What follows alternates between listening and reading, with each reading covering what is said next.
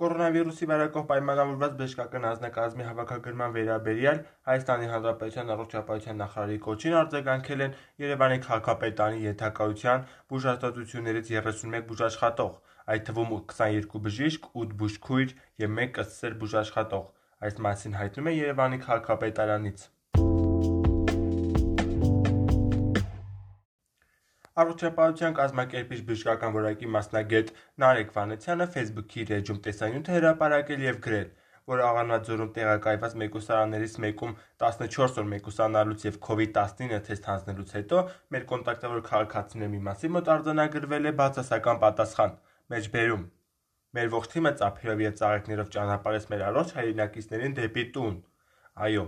կորոնավիրուսից հետո կա կյանք, առողջ լինենք։ Մեջբերման ավարտ։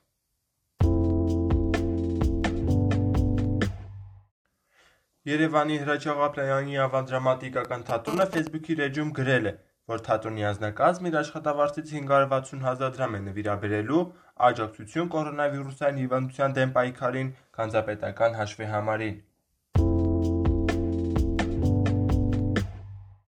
Ռուսաստանի նախագահ Վլադիմիր Պուտինը 5-շաբթի օրը հանդես է եկել ուղերձով եւ հայտարարել, որ երկրում ոչ աշխատանքային ռեժիմը կերկարաձգվի մինչեւ ապրիլի 30-ը։ Դրա հետ մեկտեղ կպահպանվեն աշխատավարձերը։ Այս մասին Պուտինը խոսել է ռուսաստանցիներին ուղղված հատուկ ուղերձի ընթացքում։ Երկրի պաշտոնական աղբյուրների համաձայն Ռուսաստանում կորոնավիրուսով վարակվածների թիվը կազմում է ավելի քան 3500-ը, որից 771-ը հաստատվել է մեկ օրվա ընթացքում։ Զոհերի թիվը հասել է 30-ի, վարակվածների մեծամասնությունը՝ 2475 հոգին հաստատվել է Մոսկվայում։